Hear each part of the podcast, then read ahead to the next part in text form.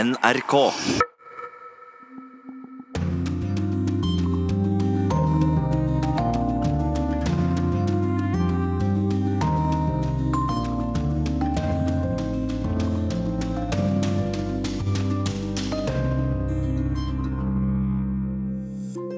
Seks år etter at norske soldater dro fra Faryab i Afghanistan, får Taliban stadig mer kontroll over provinsen. I USA er ungdomsopprøret til skolegutten Ethan litt spesielt. Da han fylte 18, tok han alle vaksinene moren hans hadde nektet ham. I went my entire life without numerous vaccines against diseases uh, such as measles, chickenpox, or even polio. Korrespondentbrevet handler om kvinnene som steller for andre i Beirut. Noen får ikke gå ut, noen får ikke hjelp når de er syke, noen får ikke nok mat og klær.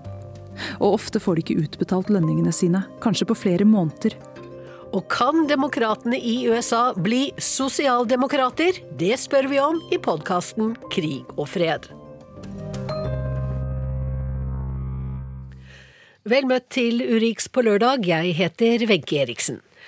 For vel seks år siden forlot de norske soldatene Faryab-provinsen i Afghanistan, og siden den gang har Taliban, som de jo kjempet imot, tatt kontroll over stadig større deler av provinsen. Kollega Gro Holm har nettopp vært der, og sier dette om hvor sterkt Taliban står i Faryab nå. Ja, Ifølge guvernøren i provinsen så kontrollerer Taliban ca. 80% av territoriet der. Og hvis vi ser på antall distrikter, så har de full kontroll over to av 15 distrikter. Eh, og så er eh, ca. ti distrikter omstridt. Der er det slik ofte at Taliban har kontroll på landsbygda og regjeringsstyrkene i, i byene. Eh, men hvis vi skal høre her hvordan en afghansk soldat ser på saken, så ja, kjør i gang. Her hører vi Gul Mohammed. Han er panservognsjåfør, og han sier at når utlendingene dro, så ble sikkerheten mye dårligere. Og eh, våre styrker var ikke utstyrt for å klare dette alene.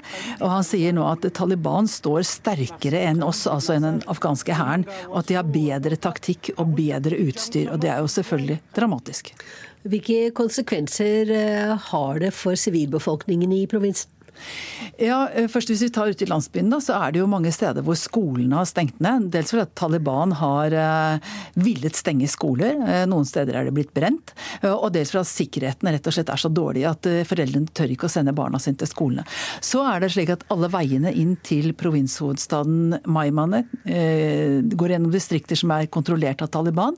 Og der har Taliban satt opp kontrollposter, og innimellom så legger de ut veibomber. Ikke, og de, de legger ut snikskyttere som, som, angriper, så det er utrygt for befolkningen å reise inn til provinshovedstaden Maimane, som faktisk er jo en slags sikker, da, ganske sikker øy eh, i denne veldig urolige provinsen. Og Det var der de norske soldatene var, var det, og det var der de norske soldatene var. Og da jeg var der i 2012, så kunne man jo gå helt fritt i Maimane. Det var liksom ikke noe problem for utlendinger heller.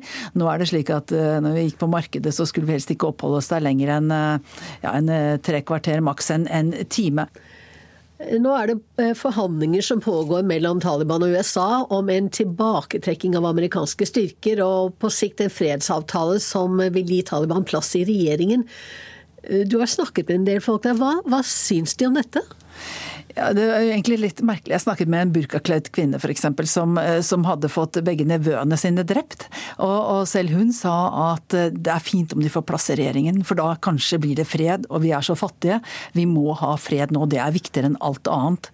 Eh, andre var liksom mer eh, ja, klart positive til mye av det Taliban står for. En av gateselgerne vi traff, Mohammed, skal vi høre her.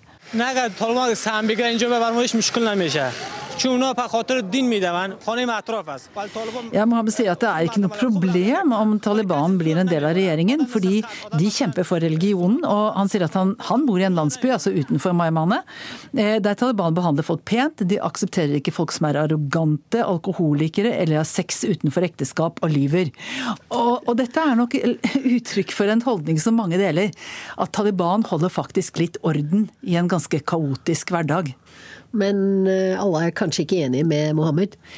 Ikke alle. Og de som er mest uenige, er nok de som har jobbet for de norske styrkene og andre utenlandske styrker i, i Faryab. Eh, og, og, en av dem eh, som hadde jobbet for de norske styrkene, han sier at de, de, kommer til, hvis de kommer til makten, eller får noen makt, de kommer til å drepe oss som sauer. Og de kommer, hvis de får tak i meg og arresterer meg, så kommer de til å kutte meg i småbiter, sa Ali. Og, og, og det er nok holdningen blant flere som har jobbet uh, for utlendingene. I Søndagsrevyen i morgen kan du se en lengre reportasje fra Gro Holms besøk til Faryab-provinsen i Afghanistan.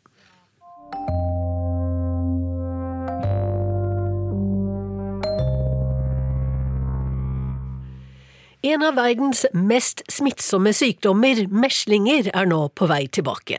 Verdens helseorganisasjon melder om 50% flere tilfeller i løpet av det siste året, og 136 000 dødsfall. En av grunnene til at meslinger og andre sykdommer nå kommer tilbake, er den økende skepsisen mot vaksiner i rike land, blant annet i USA, der Kongressen spurte en nokså spesiell ekspert til råds denne uken. Senator Murray will introduce the first witness. Well, thank you again, Mr. Chairman. Thank you, Chairman Alexander, Senator Murray, and distinguished committee members. My name is Ethan Lindenberger, and I'm a senior at Norwalk High School. Hvorfor sitter en skolegutt som så vidt har fylt 18 år, pent dressa opp for å vitne i senatet på Capitol Hill i Washington DC? Jo, fordi han nekter å gjøre som mora hans sier. Et ungdomsopprør et stykke utenom det vanlige i USA denne uka.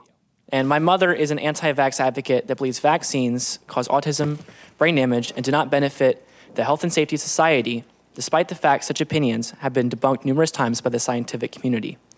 I went my entire life without numerous vaccines against diseases uh, such as measles, chickenpox, or even polio. Ethan Lindenberger er fra Ohio og gikk sine første 18 leveår uten å få en eneste vaksine mot noe som helst. Meslinger, kusma, vannkopper, røde hunder, tuberkulose eller polio. Ingenting har han vært beskyttet mot, fordi mora hans ikke tror på vaksiner. I approached my mother numerous uh. In one such instance where I approached my mother with information from the CDC that claimed vaccines do not cause autism, she responded with, That's what they want you to think. Uh, skepticism and worry were taking the forefront in terms of uh, information. Og high school-eleven fra Ohio er ikke aleine. Verdens helseorganisasjon har nylig utpekt vaksinemotstand til en av de ti farligste trendene for global helse i 2019. USA opplevde f.eks. 559% flere tilfeller av meslinger i fjor enn året før. Vaksinemotstanderne hevder nokså høylytt at meslingvaksine kan gi barn autisme. Social networks are based on emotion.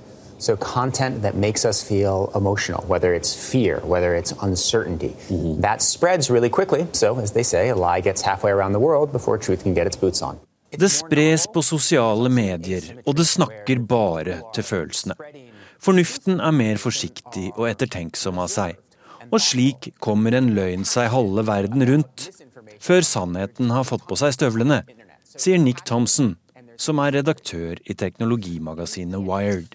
And there's also an asymmetry where the people who are spreading truthful information are reserved and thoughtful. And the people who are passionate yeah. about misinformation are out there just putting tons of stuff on the internet. So it's passion and there's an asymmetry. You consent? No! Are you informed? Yes! Foreldre i delstaten Washington demonstrerer for sin rett til fortsatt å kunne bestemme om barna deres skal få vaksine eller ikke. Vaksinene er egentlig obligatoriske, men 47 av 50 amerikanske stater åpner for unntak av religiøse, moralske, filosofiske eller personlige grunner. Med 70 tilfeller av meslinger bare hittil i år har guvernøren i Washington nå erklært medisinsk nødsituasjon. De fleste som får meslinger, er barn som ikke har blitt vaksinert. The one thing we know about that is that it is highly contagious. Yes, it Perhaps one of the most contagious diseases out there. Yes, it is. Are you afraid you're putting your child at risk? No, I don't feel like I'm putting my child at risk. There's nothing that's going to change my mind on this, on that specific vaccination. Jeg føler ikke at jeg utsetter barnet mitt for noen risiko. Jeg kommer ikke til å forandre syn på den meslingvaksinen uansett, sier vaksinemotstander Monique Murray til CBS News.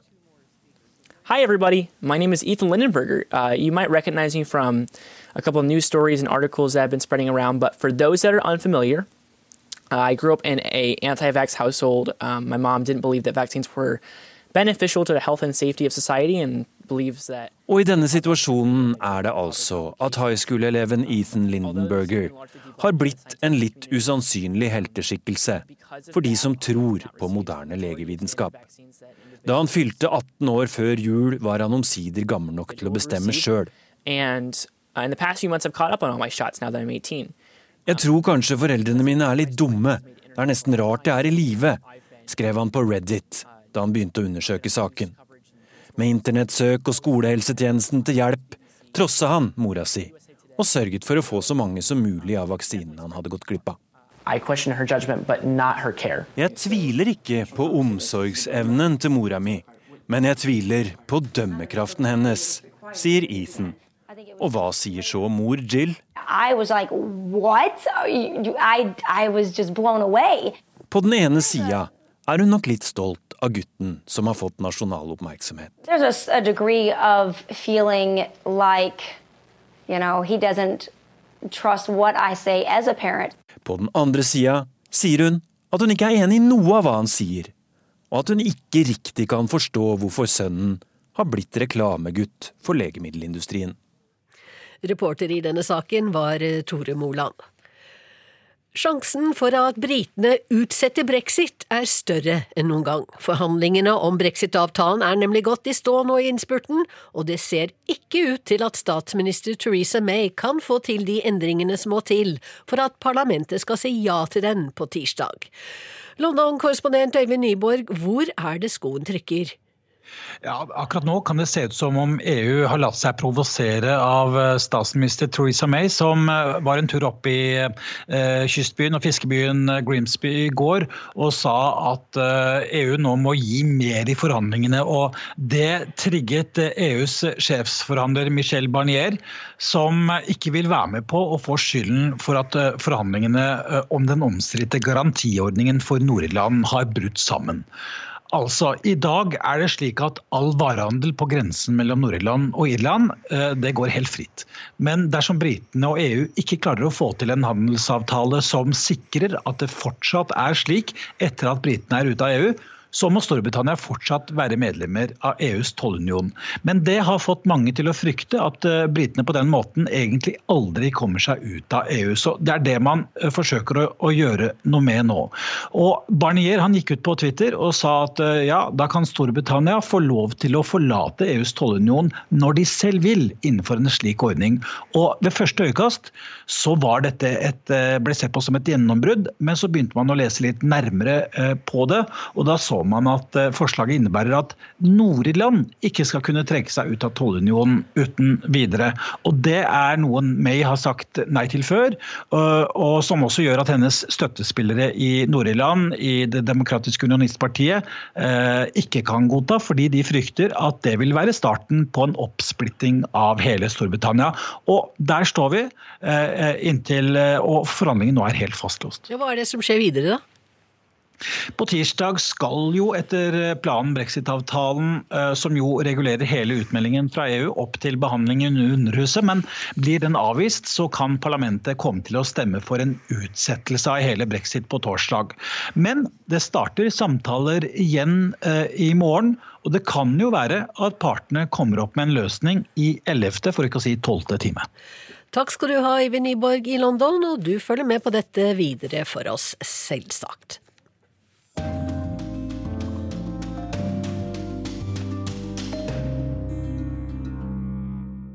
Det er en av de verste ulykker i sitt slag noen gang.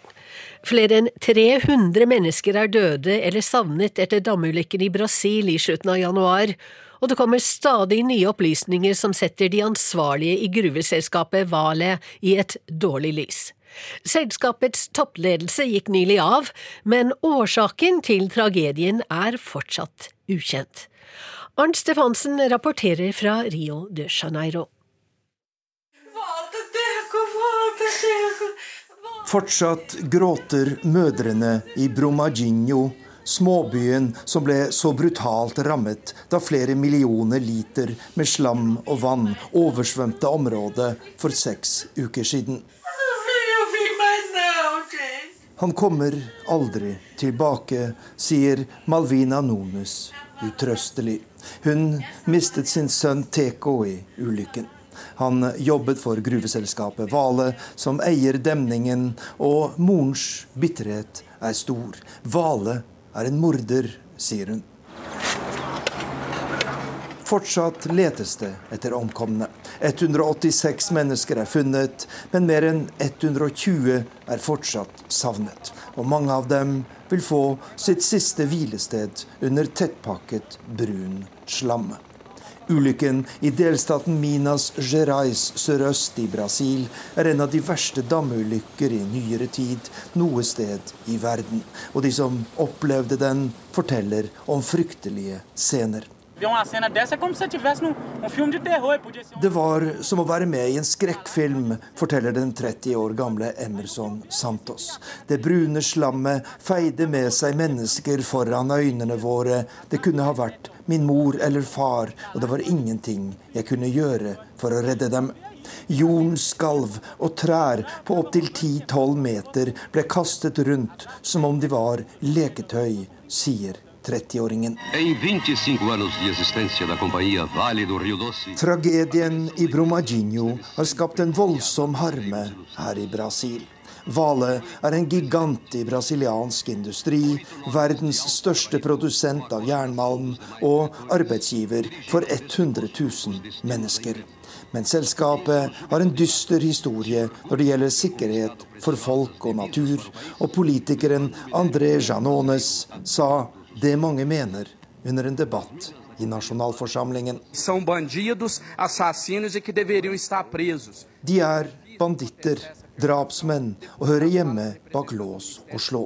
Vi hører at årsaken til ulykken er ukjent, men svaret er enkelt. Årsaken er at dette selskapet setter profitt foran alt. Foran sikkerhet og foran menneskeliv, sier André Janones, en av de mest populære folkevalgte i delstaten Minas Gerais, der ulykken skjedde. Men gruveselskapet Vale har enorme økonomiske og politiske muskler, og er vant til å få viljen sin. Vale vinner alltid, lyder et kjent ordtak her i Brasil. Og de første uttalelsene fra selskapets president etter ulykken var ikke preget av ydmykhet. Det er det beste selskapet jeg har kjent i mitt liv. Det er en brasiliansk juvel som ikke kan dømmes pga. en ulykke, sa Vale-president Fabio Schwartzmann på en pressekonferanse. Men nylig ble han og resten av toppledelsen fjernet etter sterk kritikk. Advarsler ble ignorert, rutiner ble ikke fulgt, og varslingsanlegget fungerte ikke, lyder kritikken. E até agora nada dele ser preso.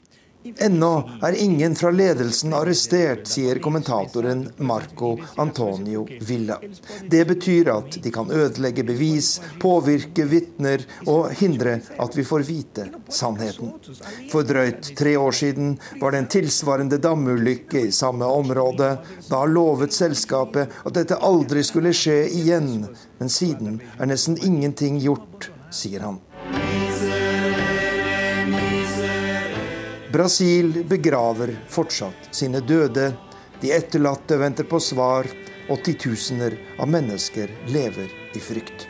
For rundt om i Brasil er det mer enn 80 damanlegg av samme type som det som skapte tragedien i Brumadinho.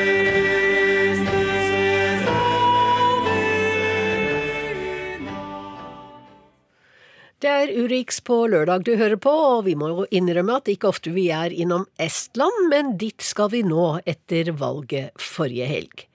Da doblet det EU- og innvandringskritiske Konservative Folkepartiet sin oppslutning til nesten 18% For å holde høyrepopulistene unna regjeringskontorene forhandler andre partier om en storkoalisjon. Og Reformpartiets leder, 41 år gamle Kaja Kallas, kan bli den første kvinnen som inntar statsministerposten i dette baltiske landet. I grew up during Soviet times with stories of my mother who was uh, deported to Siberia in an animal wagon when she was just six months old. Uh, Jeg vokste opp i sovjettida med fortellingen om moren min som ble deportert til Sibir da hun var seks måneder gammel, i en jernbanevogn for dyretransport. Om bestefar som havnet i fangeleir, om bestemor som mistet to barn under krigen. Hver familie i Estland har lignende historier, og det har også russiske familier, sa Kaja Kallas da hun var EU-parlamentariker og holdt en tale til minne om den russiske opposisjonelle Boris Nemtsov, som ble drept i 2015.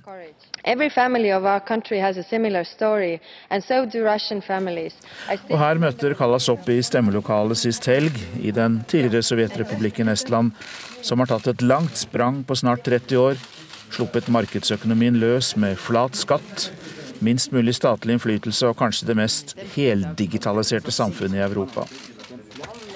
Faren hennes, Sim Kalas, har vært en av drivkreftene gjennom det markedsliberale Reformpartiet.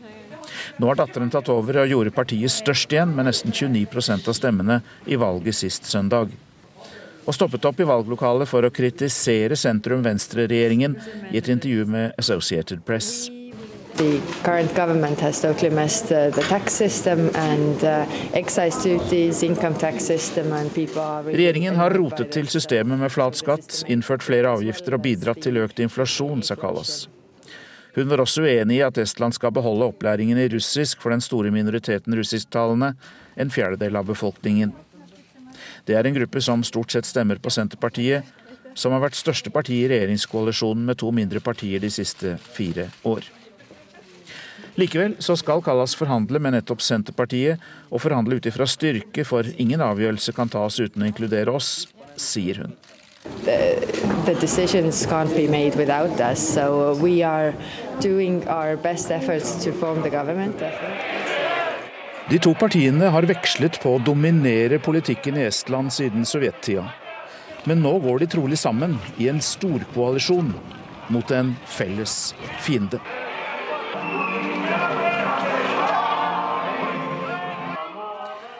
Fakkeltoget bølger over brusteinene 24.2 gjennom de pittoreske og smale gatene i hovedstaden Tallinn. Det er like før parlamentsvalget, og for noen et mektig og positivt syn til støtte for det konservative folkepartiet Ekere. Så brukte nasjonaldagen til å vise sin EU- og innvandrerskepsis, til å snakke for de tradisjonelle familieverdiene, og til kampen for å få tilbake områder langs grensen til Russland som ble annektert av Stalin i 1943.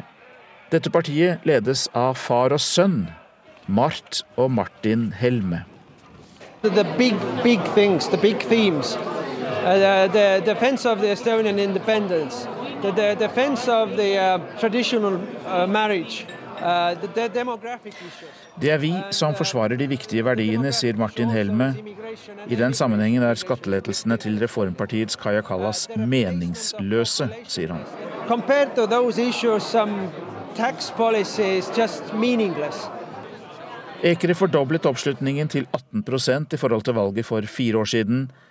Men innvandringen til Estland har vært liten sammenlignet med andre EU-land. Støtten til EU er også sterk i befolkningen. Så kommentatorer tror at framveksten av det populistiske høyrepartiet Ekere først og fremst er en protest mot det mange mener er for knappe ressurser til sosiale støtteordninger og arbeidsledighetstrygd, og det har rammet landsbygda hardest. Og de stoler på oss, sier Helme senior, de skal ikke ha gjort det forgjeves. Mart Helme er partileder og tidligere ambassadør til Russland. Means that the Estonian people have trusted us and that we have to show Innflytelse kan det likevel bli lite av hvis de to store partiene finner sammen. Det er ventet at Kaya Kallas får oppdraget fra presidenten om å sondere fram en ny regjering i dette nordligste av de baltiske landene med 1,3 millioner innbyggere på drøyt 45 000 kvadratkilometer, litt mindre enn Finnmark fylke. Uh, uh, Og Kaja Kallas erkjenner at folk har falt utenfor Estlands markedsliberalistiske reformer.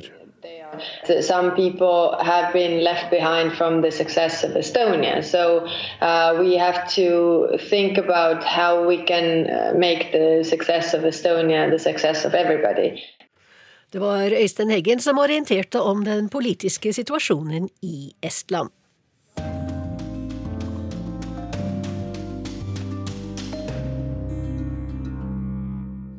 Da er vi kommet til ukens korrespondentbrev, og det kommer fra Kristin Solberg i Beirut.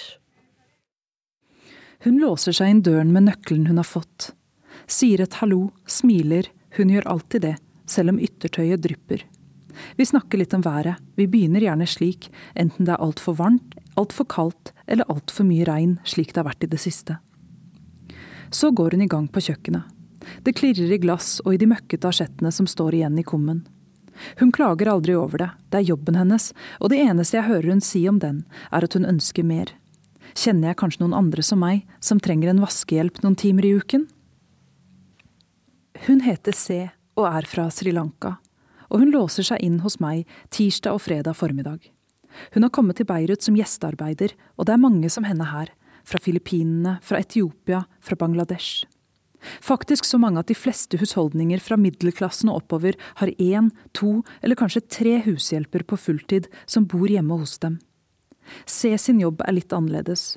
Hun er frilanser, jobber i mange hus og bor for seg selv.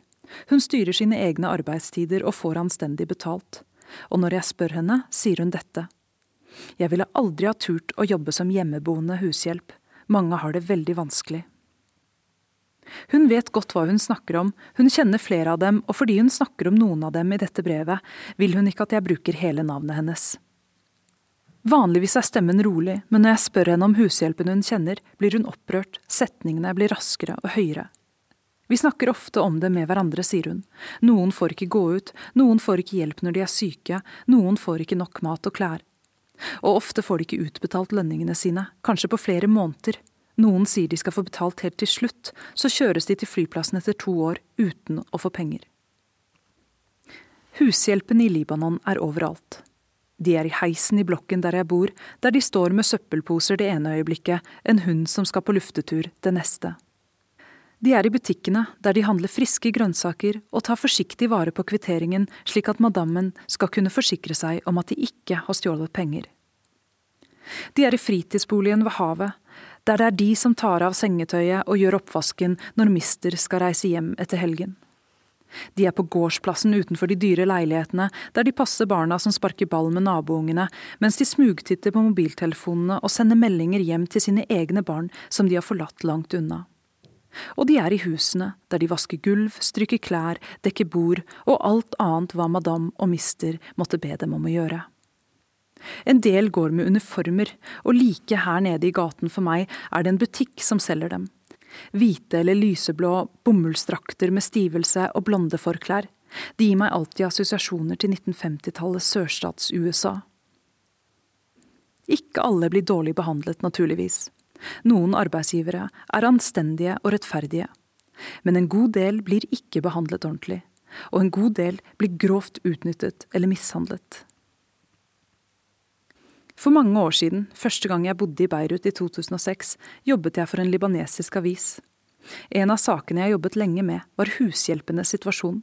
Det finnes ingen lover som regulerer hushjelpenes liv og arbeid i Libanon, og uansett ville de vært vanskelig å håndheve innenfor husets fire vegger. Derfor blir mange tvunget til å jobbe for mye, noen stort sett hele døgnet, syv dager i uken. En studie på den tiden sa at ni av ti arbeidsgivere tok passene til hushjelpene, slik at de ikke skulle kunne reise. En god del av arbeidsgiverne mente dessuten at det var ok å begrense bevegelsesfriheten hennes eller kontrollere hvem hun snakket med. En advokat fortalte meg at kvinnene gjerne signerte en kontrakt på engelsk i hjemlandet, med en varighet f.eks. på to år, til en lønn på 200 dollar måneden. Så, når de landet i Beirut, ble de tvunget til å signere en ny kontrakt på arabisk, et språk de ikke forsto, og der de forpliktet seg til å jobbe i tre år for 150 dollar måneden. De hadde uansett ikke stor mulighet til å nekte da, for de sto allerede i gjeld til sin nye arbeidsgiver, som hadde lagt ut for deres enveis flybillett, en gjeld som måtte betales tilbake i oppvask og støvsuging. Noen av disse kvinnene holdes i det som defineres som moderne slaveri, sa advokaten. Som om ikke det var nok, ble en del utsatt for psykisk, fysisk eller seksuelt misbruk. Noen ganger sto det notiser i avisene om at en hushjelp hadde tatt livet sitt ved å hoppe fra balkongen. Innimellom ble det hvisket om at de i realiteten var voldtatt av mannen i huset, blitt gravide og drept for å skjule bevis. Som en del av researchen den gangen dro jeg til den filippinske ambassaden, der kvinner som var blitt misbrukt eller stengt inne, hadde klart å flykte. Vi lever her som sild i tønne, sa en av dem og viste meg et rom der flere titalls kvinner sov på matter på gulvet. Alle hadde historier om menneskerettighetsbrudd, trusler eller tilbakeholdelse av lønn. En kvinne satt i rullestol med gips fra topp til tå. Hun sa at hun hadde falt ned ut av et vindu da hun ble tvunget til å vaske det fra utsiden. Jeg snakker med C om alt dette, mens jeg håper at ting skal ha forbedret seg. Det har de ikke, sier hun. Hun forteller om et hierarki, en slags rangering av menneskelige statussymbol. Filippinerne øverst, de får betalt mest, som oftest 400 dollar måneden, fordi, som hun sier, de er lyse i huden og snakker godt engelsk. Så folk fra Sri Lanka, kanskje for de 250 dollar måneden, et beløp mange etiopiere bare kan drømme om. Noen sover i et skap, sier C, eller på små kott uten vindu, man kan nesten ikke puste der inne. Jeg så det godt selv for noen år siden da jeg flyttet til Beirut som NRKs korrespondent og gikk på visninger for å finne et sted å bo. En megler tok meg rundt til leiligheter på flere hundre kvadratmeter. Boligene i araberverden er ofte større enn i Europa. Det er mange barn og mange gjester som alle krever sin plass. Her er TV-stuen, sa megleren og gikk gjennom et romslig rom som lå separat fra spisestuen. Hun fortsatte gjennom nok en dør. Og her, sa hun i neste rom, er barnas TV-stue. Til tross for den enorme størrelsen var hushjelpens rom bare et lite kott bak kjøkkenet. Det fantes ikke noe vindu. Det hadde i det minste et eget bad, men årsaken til dette var ikke så oppløftende som man kanskje kunne tro, skjønte jeg på neste visning. Der var utleier en eldre kvinne, kultivert, hun hadde huset fylt av antikviteter så fine at de nesten i seg selv var grunn nok til å leie leiligheten. Samtalen fløt fint, inntil hun viste meg et lite bad ved trappen opp til hushjelpens rom, som lå på et kott over kjøkkenet. Så slipper hushjelpen din å måtte gå opp trappene når hun har behov for toalettet, sa kvinnen. Og før jeg rakk å tenke at her var det endelig en som ønsket å gjøre livet litt mer komfortabelt for hushjelpen, lente hun seg mot meg og la til i fortrolighet for du vil jo ikke at hun skal bruke ditt bad. I morgen, slik hun gjør hver søndag, skal C lage mat til hushjelper som ikke får nok av det av arbeidsgiveren sin. Hun tar det med til to kvinner i nabolaget. Hun vil ikke ringe på døren, vil ikke skape problemer for dem, som hun sier, så hun legger det igjen utenfor, noen ganger med portneren, så han kan gi det til dem i smug når han henter søppelet. De er låst inne, sier C. Når madame drar, låser hun døren etter seg slik at de ikke skal kunne gå ut. Hvordan ble du da kjent med dem, spurte jeg. Hun fortalte at hun hadde sett dem i vinduet i nabolaget, gjenkjent dem som srilankere. De hadde kastet ut en lapp med et telefonnummer, hun hadde ringt og fått høre hele historien. Det nyttet ikke, sa hun, å gå til politiet. Etter samtalen med C blir jeg sittende og tenke på hva slags mennesker de er, disse arbeidsgiverne. Sikkert mennesker som oss alle, som hadde vært høflige og hyggelige hvis jeg hadde møtt dem i en sosial sammenheng, som kan være snille og gode mot noen, men likevel. Hva er det i oss mennesker som får oss til å oppføre oss slik? Kanskje ligger det latent der hos oss, en slags slemhet som vi lar gå utover de svake fordi vi slipper unna med det. En dårlig dag på jobben, misnøye med hvordan livet er blitt, kranglene med ektefellen, alt kan sparkes nedover, få oss til å føle at vi i det minste har kontroll over noe. Så er det dette med umenneskeliggjøringen, som det gjerne faller naturlig for oss å gjøre. Vi gjør det når vi deler mennesker inn i kategorier, de som er som oss, de som er annerledes, de som er herfra, de som er derfra, de som vasker, de som vaskes for. Etter hvert begynner C å støvsuge på kontoret. Hun kommer noen timer i uken, og for det får hun betalt mer enn en filippinsk hushjelp får på en hel måned. Likevel blir jeg aldri helt kvitt bismaken her, den vemmelige følelsen av at jeg også er en hvit madam. Selv om vi begge to er utlendinger i Libanon, er jeg en ekspat, mens hun en gjestearbeider.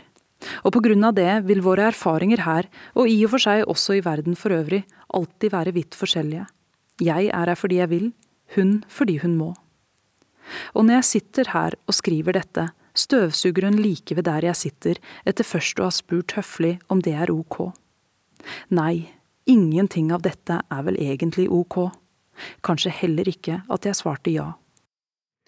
Sa korrespondent Kristin Solberg. Så ukens episode av podkasten Krig og fred. I 1945 hadde USA en større velferdsstat enn Norge. Men så ble amerikanerne redde for at staten skulle bli for stor. Samtidig fikk vi i Europa offentlige sykehus og gratis høyere utdanning. Nå vil unge amerikanere med stjerneskuddet Alexandria Ocasio-Cortez i spissen ha en slags sosialdemokratisk revolusjon. Men kan demokratene virkelig bli sosialdemokrater? Du hører på Krig og fred med Elisabeth Onsum og Tove Bjørgaas.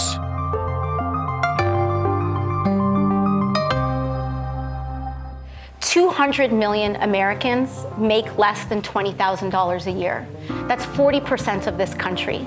And how can we have an economy that grows? How can we build wealth as an economy if a large plurality of Americans are too poor to participate in it? De fant henne gjennom dette nettverket til Bernie Sanders, um, som blei bygga fra 2015 og gjennom 2016-valgkampen. Hvor hun da også deltok som kampanjemedarbeider. Jeg heter Eirik Grasås Stavnes og jeg er utenriksjournalist i Klassekampen, hvor jeg bl.a. dekker mye amerikansk politikk. Etter at eh, Donald Trump eh, vant valget i 2016, så fant jeg og for så vidt eh, kona mi ut at vi måtte ta en tur sammen med treåringen vår over til USA og finne ut av hva som egentlig skjedde med demokratene etter tapet. da. Og så kjørte vi på kryss og tvers, 16 delstater, og en av de helt sentrale tingene som har skjedd i Demokratene, er jo et slags sånt grasrotopprør mot partieliten, som veldig mange mener er blitt veldig fjerne for vanlige amerikanere flest, og ikke representerer vanlige folks interesser. Og en av disse grasrotopprørerne som tidlig var sentral, var Alexandra Ocasio-Cortez. Så vi fulgte den gruppa rundt henne som heter Justice Democrats, som var de som rekrutterte AOC, som jo veldig mange kaller henne nå, til å stille da mot denne partibossen i New York som heter Joe Crowley, og som til slutt førte til at hun vant i, i juni i fjor, 2018. She's right here. How are you feeling? Can you put it into words? Nope. I cannot put this into words. Can you believe the numbers that you're seeing right now? I cannot believe these numbers right now, but I do know that every single person here has worked their butt off to change the future of the Bronx and Queens. That's what I know. Så jeg ønska å komme eh, så tett inn på det som mulig, og skjønte fort at det å prøve å skjønne disse Justice Democrats, hva er det de vil, hva, hvem er de, hva er det de driver med, det er viktig. Hvem er det egentlig? Ja, Godt spørsmål. Det er altså tidligere eh, medarbeidere i Sanders-kampanjen som etter 2016-valget eh, fant ut at den kursen som Clinton da, og resten av partieliten i deres øyne hadde staka ut, eh, den førte da til tap. Og det viste at det krevdes radikal endring da, i partiet. Og Derfor bestemte de seg for å rekruttere eh, grasrotpolitikere, vanlige folk, eh, over hele USA, som skulle utfordre mer etablerte demokrater da, i disse primærvalgene. Og da var AOC da, en, av, en av de de fant. Hun virker jo som et usedvanlig taleført menneske med veldig, veldig gjennomslagskraft på skjermen, blant annet. Men hun har ikke gått på de kjente universitetene eller tatt den vanlige veien. Nei, hun har vel noen, noen ute, hun er utdanna innenfor internasjonale relasjoner og økonomi ved Boston eller noe sånt. Jeg tror ikke det er noe, det er ikke, det er, Disse vanlige demokratene og sånn har jo ofte grader fra Harvard og Yale osv. Hun sant, jobba som bartender da, bare kort tid før eh, valgkampen og har en mye mer sånn eh, grasrottilknytta virkelighet bak seg enn veldig mange andre i partiet. Hva sa hun til deg om, om sitt politiske prosjekt? Nei, Det jeg vel spurte henne om, da, var, var, om hun tror at de politiske ideene hun står for, om de kan ha gjennomslag også andre steder i USA. Fordi hun er jo fra New York, som er en mer på en måte liberal eller venstreorientert eh, delstat, eller by i hvert fall. da. Eh, og da sa hun det at eh, ja, det tror hun. Og det som er at de politiske kampsakene vi kjemper for, de, de er det flertall for i den amerikanske befolkninga. Og det gir jo veldig mange meningsmålingere helt rett i òg. Det som hindrer det, er, er mer enn et sånt folkelig motvilje mot det, er jo Eh, de rikes interesse for å ikke gjennomføre det. Fordi de tjener så mye på, penger på det systemet sånn som det fungerer i dag. Og da tenker jeg på Wall Street og på Silicon Valley og på legemiddelindustrien. Today we launch our fight for a political revolution. Det er for lengst for sent å telle dem som vil bli demokratenes presidentkandidat til neste år, på to hender. Her er et lite utvalg fra venstre mot høyre. Bernie Sanders, som mange husker fra 2016, og Elizabeth Warren vil ta opp kampen mot de rikeste og omfordele ganske mye. These same rich guys have been waging class warfare against hardworking people for decades. I say it's time to fight back. Kamala Harris, senator fra California, ligger litt mer mot midten, men støtter noen av forslagene til Alexandria Ocasio-Cortez. I think that she is introducing bold ideas that that should be discussed, and I think it's good for the party. I frankly think it's good for the country. Lenger til høyre frir Amy Klobuchar fra Minnesota til dem som stemte på Trump sist. Hun vil ikke gjøre høyere utdanning gratis. Yes or no? Would you support no. free college for all? I am not for free four-year college for all. No. Thank you. Å si jeg er demokrat, det betyr ingenting faktisk. Jeg tror vi har ingenting som er virkelig til felles akkurat nå. Ja. Ingenting? Ja. Fordi det er, det er noen demokratene som, som, er nesten republikaner, og så er det noen som er nesten rødt, som rødt i Norge. Hvor er Alexandra Ocasio-Cortez, da? I Norge? Uh, ja, SV, kanskje. Hei, jeg heter Indigo Trygghauger. Jeg er 24 år gammel. Jeg kommer fra USA, Washington, Seattle. Og jeg jobber som kommunikatør i PRIO, Peace Research Institute Oslo. Og jeg har bodd i Norge i fem år. Indigo, du var her en del i november i fjor og kommenterte dette kongressvalget. Mm. Etter det så har det skjedd en god del egentlig i, i partiet ditt, Det demokratiske partiet. Hva, hva syns du om, om, om det som har skjedd? Jeg tror at eh, valget bevisste beviste at det var mulig å være litt lengre venstre, og det er kjempebra. Men um, det er definitivt en internt krig i Demokratisk partiet nå. Det syns jeg. Og det er litt vanskelig å si hvilken vei de skal gå nå. Men er det krig? Er det så ille? Ja, det Noen ganger syns jeg det. Definitivt. Det er de, er veld, de har veldig forskjellige synspunkter. Hva er det de krangler mest om? Det har vært sagt mange ganger at de som er litt lenger i venstre, er, eh, de, de bruker sosialisme som, som et uttrykk.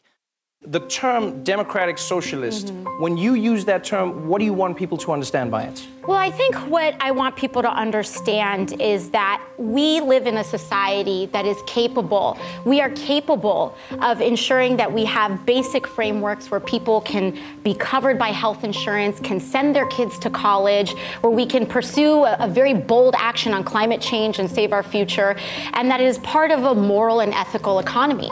Og det er noe som mange er veldig redd for. Um, det er litt vanskelig å forestille i Norge, men uh, i USA er det veldig, veldig uh, Det er ikke OK for dem å si det. Um, så jeg tror de som er mer the old guard, de vil være mer uh, sentrist. Og det som er kanskje mest viktig, er at med den nye valg som kommer nå, uh, de som er mer sentrist, de er veldig opptatt av folk som er sannsynlige uh, velger. Og det er de som er litt eldre, hvite. Um, mens de som er veldig veldig langt venstre, de er veldig opptatt av de som muligens kunne være velger. Så de tror at hvis vi får folk til å stemme, folk som ikke har stemt før, eller stemmer ikke så ofte, så kan vi vinne uh, med en mye lengre venstrekandidat. Uh, hva, hva, tenker du når uh, Hvis jeg sier sånn USA blir et sosialdemokrati, hva tenker du da? Ja, jeg tror vi har en veldig lang vei å gå. um, men det er noe folk snakker om nå, og å snakke om det er bedre enn det var før. Men, men ville du vært redd for det? Uh, nei. Hva, hva, er det viktigste for deg da, som et sosialdemokrati ville ha å by på? Um, noe jeg tenker på veldig mye, er at USA er en av de, eller kanskje de rikeste land i, i verden, og at selv om det er sant, det er umulig for folk å leve ut av fattigdom og um, Eh, å være på college og få um, helse... Oi, hva er det? Forsikring. Forsikring. Så de føler ganske håpløst. De har ikke penger til å kjøpe leilighet eller kjøpe hus.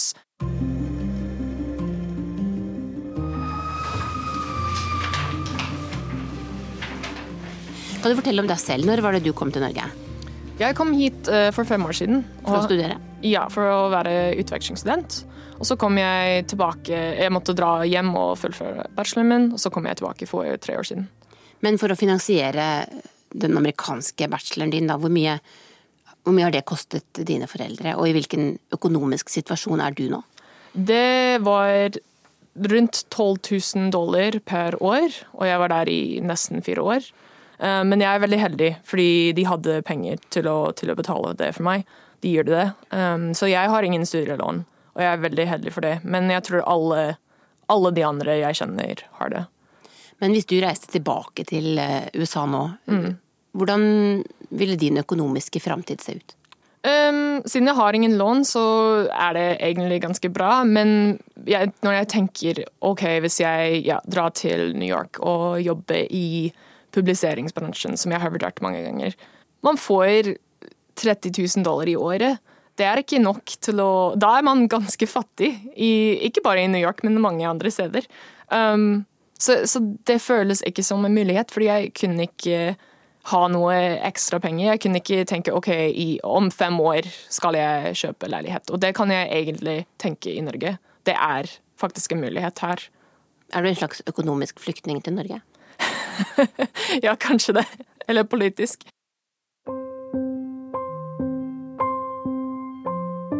Elsker jeg USA, ja. De har verdens beste universiteter. Men jeg ville aldri oppdra mine barn der.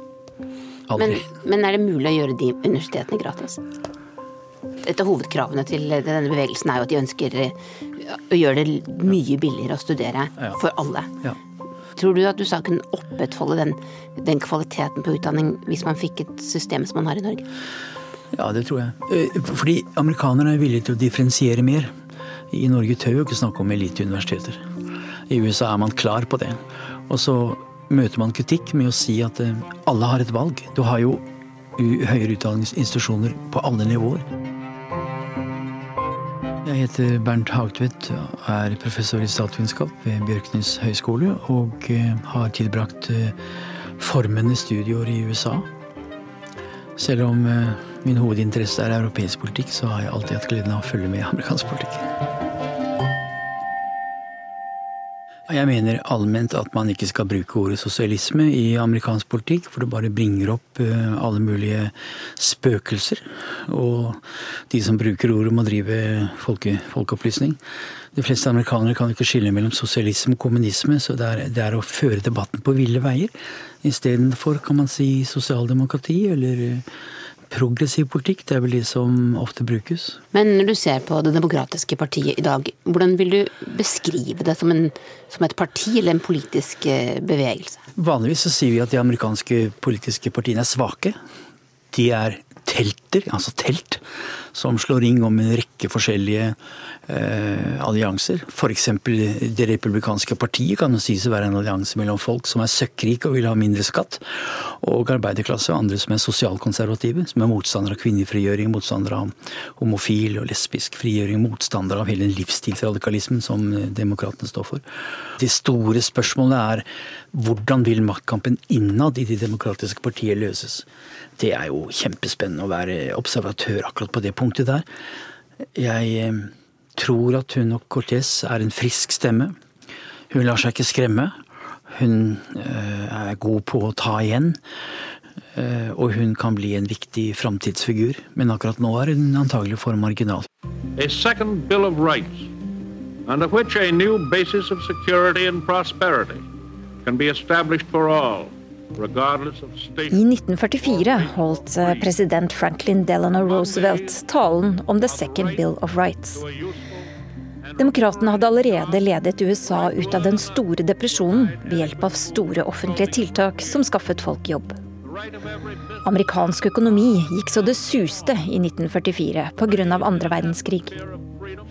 Roosevelt ville bruke overskuddet til å sikre amerikanerne grunnleggende økonomiske rettigheter the right of every family to a decent home, the right to adequate medical care, and the opportunity to achieve and enjoy good health.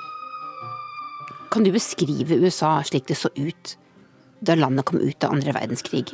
Hvordan var statens involvering i samfunnet da? Ja, Det var jo en enorm involvering gjennom, uh, gjennom øh, krigen. Husk at krigen mobiliserte den massive amerikanske industrien i rustningsproduksjon. Hitler skjønte jo ingenting av den amerikanske industriens uh, kraft. I tillegg var det høy grad av priskontroll. Den amerikanske staten var mektig. GI Bill, som sendte amerikanske soldater tilbake til colleges, skapte en veldig uh, mobilisering i amerikansk høyere utdanning. På Harvard fikk man et eget uh, pensum knyttet til civics, Eh, hva er kjennetegnet ved demokratier? Det var et pensum som varte helt fram til 1970-tallet.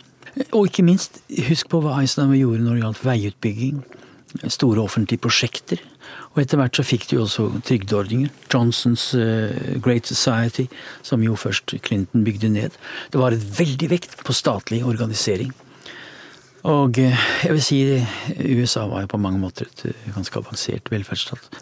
Så kom etter hvert 70-tallet, og så kom Ronald Reagan i 1980. Og hva var, det, hva var det som gjorde ham og andre til slike intense motstandere av at staten skulle ha en slik rolle? Det kom en kritikk mot um, at velferdsordningene skapte dovenskap. Uh, Moneyhan-rapporten var i 64. Daniel P. Moneyhan som snakket om hvordan velferdsordninger oppløser den svarte familien. At fedrene dro sin vei og at mødrene kunne leve on welfare. Det oppsto en veldig sterk ideologisk betinget kritikk av de store velferdsprogrammene. Så det, hovedkritikken er her at velferdsordningene førte til uh, manglende arbeidsdisiplin.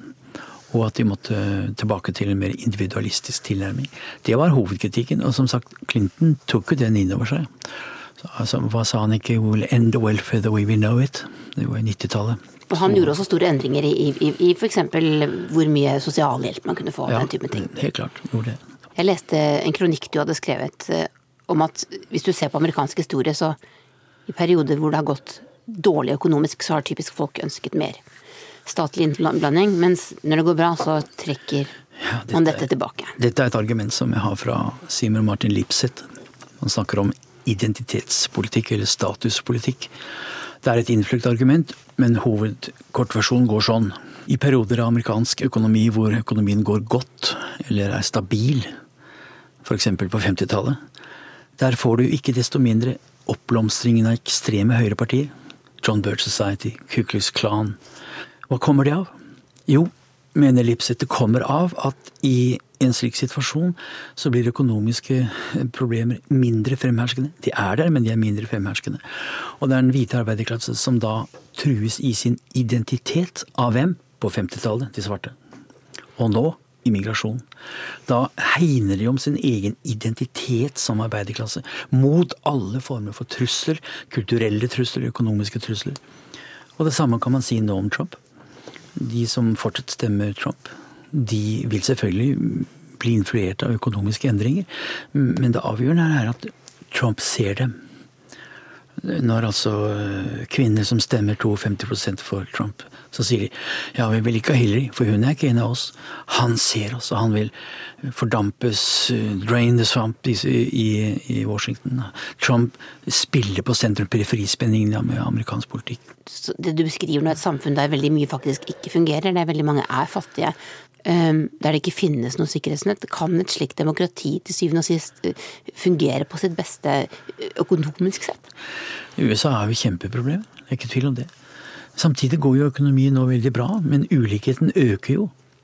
Og det kommer jo en veldig reaksjon mot denne økende ulikheten. Og Thomas Piketty og andre økonomer har vist at det kommer av at kapitalinntekter øker så mye. Du kan ikke lenger leve av arbeidsinntekter, det er kapitalinntektene som øker. Det var jo en veldig rammende kritikk av amerikansk kapitalisme, må jeg si.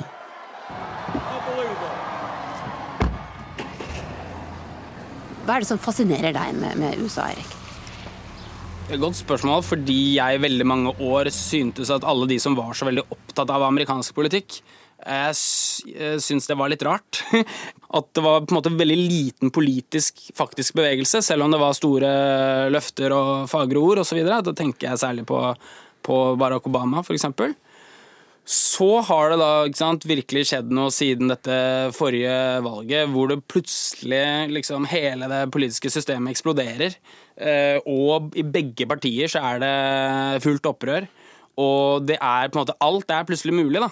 Man kan diskutere lenge liksom, hvor radikal er Alexandra Ocasio-Cortez, hvor radikal er egentlig Bernie Sanders, men alt er relativt i denne verden. Og for sitt samfunn så er de radikale i forhold til det deres partikollegaer mener. Da. Og det er liksom den bevegelsen, da, eh, muligheten for stor politisk bevegelse på ganske kort tid, fascinerer jo meg veldig. Teknisk ansvarlig for Urix på lørdag har vært Lisbeth Sellereite, produsent Oda Holm Gulbrandsen og her i studio Wenche Eriksen.